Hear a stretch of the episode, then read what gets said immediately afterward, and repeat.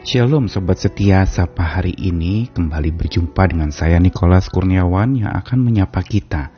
Hari ini tema yang akan kita renungkan bersama adalah bersyukur yang membangun.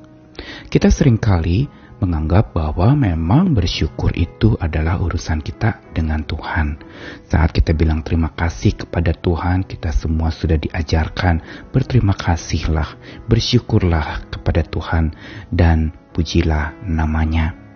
Tetapi yang sekarang saya ingin soroti adalah sebuah ucapan syukur yang lebih bersifat dimensi horizontal bukan yang vertikal kepada Tuhan, tetapi bagaimana ucapan syukur yang kita lantunkan itu justru menjadi sesuatu yang memberkati. Ucapan syukur yang membangun, bukan malah menjatuhkan. Seorang penulis pernah mengatakan bahwa rasa syukur menurut para ahli adalah lem bagi hubungan sosial sebagai perekat untuk hubungan antar pribadi yang menguatkan hubungan antar teman, keluarga, pasangan, dan rasa syukur itu jadi tulang punggung kehidupan bermasyarakat. Menarik sekali ungkapan ini, bahwa rasa syukur atau ucapan syukur kita adalah justru perekat hubungan sosial. Tetapi apakah sudah ucapan syukur kita kepada Tuhan itu menjadi perekat yang membuat orang lain terberkati, yang membuat orang lain justru terkuatkan oleh rasa syukur kita yang kita ungkapkan. Dan di sinilah kita perlu hikmat dari Tuhan untuk kita bisa memiliki rasa syukur yang membangun. Bacaan kita hari ini diambil dari 1 Korintus pasal 14 ayat 17. Sebab sekalipun pengucapan syukurmu itu sangat baik, tetapi orang lain tidak dibangun olehnya. Cuplikan ayat ini ada di dalam satu diskusi di jemaat Korintus berkaitan dengan bahasa roh. Dan berarti ini bicara tentang sebuah komunikasi. Pada waktu itu ada kelompok orang-orang yang merasa berbahasa roh itu menjadi begitu penting harus mutlak dimiliki oleh semua orang. Supaya orang menjadi justru bisa berbicara dengan hal-hal yang dalam, yang roh, karena itu berbahasa roh.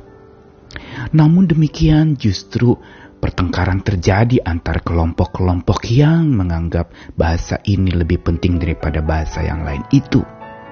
Dan karena itu, Paulus mencoba menengahi dengan menegaskan dia beri contoh tentang ucapan syukur.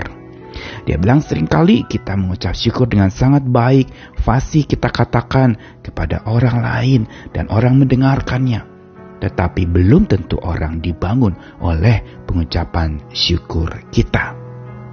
Apa yang ingin dikatakan dalam ilustrasi yang digunakan oleh Rasul Paulus kepada jemaat di Korintus ingin memberitahukan kepada setiap kita bahwa tidak cukup dengan kata-kata muluk ucapan syukur itu kita ucapkan tapi kita perlu pikir matang-matang tentang apa yang kita ucapkan di dalam kandungan ucapan syukur itu. Bila ucapan syukur mengandung kepongahan, kesombongan, itu akan menjadi sesuatu yang justru melukai orang. Dan orang merasa kita menjadi sombong rohani dengan katanya selalu bersyukur, selalu bersyukur. Tetapi merasa pongah, merasa diri lebih baik, lebih hebat, bahkan mungkin menganggap diri lebih rohani daripada yang lain. Dan begitu juga saat kita menyuruh orang lain bersyukur. Coba bayangkan kalau orang sedang menderita, dipaksa disuruh bersyukur dengan kita katakan sudah bersyukur saja semua akan beres. Kita suruh orang itu, kita paksa dan instruksikan orang itu untuk bersyukur. Padahal dia sedang ada dalam posisi terendah di dalam kehidupannya.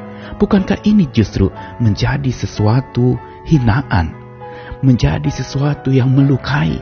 Karena saat kita mengatakannya kita tidak berempati.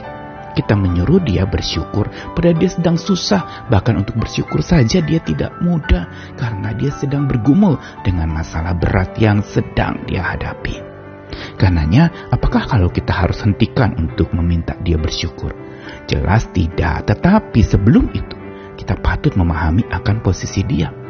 Dan inilah sebenarnya ucapan syukur yang jujur, ucapan syukur yang benar, yang diungkapkan itu patut dan seharusnya berdasarkan kebenaran. Jujur bersyukur, yang berarti bukan mengingkari atau lari dari kesulitan dan merasa karena saya bersyukur saya hebat, saya tidak akan mengalami kesulitan. Bukan itu, ini merupakan sebuah ungkapan pongah dari syukur kita. Seolah-olah kita mengingkari dan lari dari kesulitan. Padahal sebenarnya syukur yang mendalam, syukur yang berpusatkan kepada Tuhan, syukur yang jujur dan berdasarkan kebenaran, itu justru adalah sikap dan respons yang dipilih bukan untuk lari dari kesulitan, tapi untuk hadapi kesulitan. Ini yang sebenarnya sedang dibangun di dalam pikiran orang-orang yang ada pada waktu itu dalam surat yang kita baca hari ini yaitu supaya mereka tercelikan mata mereka untuk supaya melihat lebih luas lagi, lebih benar lagi tentang bahasa yang diungkapkan. Bahwa kalau asal bunyi saja itu diucapkan tanpa memikirkan perasaan orang lain, tanpa berempati terhadap luka orang lain atau duka orang lain, itu justru menjadi ucapan syukur yang mendatangkan kutuk, bukan mendatangkan berkat, membuat orang terjatuh, bukan terbangun. Dan inilah kita perlu hati-hati saat kita bersyukur atau meminta orang bersyukur. Bersyukur yang membangun adalah bersyukur yang jujur diungkapkan.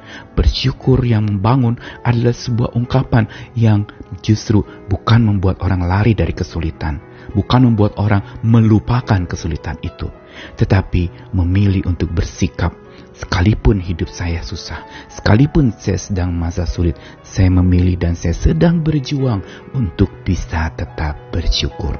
Bukankah ini menjadi sesuatu yang lebih masuk akal, menjadi sesuatu yang lebih realistis? Bahwa kita tidak paksa orang untuk bersyukur dan kita juga tidak paksa diri untuk bersyukur padahal kita sedang mengalami kesulitan, namun kita memilih untuk bersyukur. Karena apa? Tuhan lebih besar dari kesulitan kita.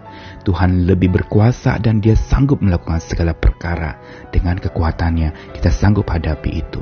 Tetapi sekali lagi, jangan dengan sebuah kepongahan, tapi dengan kerendahan bahwa kita mengandalkan kekuatan Tuhan di dalam apa pun yang kita hadapi, termasuk kesulitan yang ada di depan kita. Mari kita belajar, naikkan syukur yang membangun, supaya orang lain mengalami bagaimana ucapan syukur kita itu mendatangkan berkat. Bukan pongah, bukan bermegah atas diri kita sendiri, tetapi justru memegahkan dan memuliakan nama Tuhan. Ayo bersyukur, bersyukur, bersyukur, tapi bersyukur yang membangun sesama kita. Tuhan mengaruniakan hikmat, ayo berjuang dan menjadi makin bijak. Amin.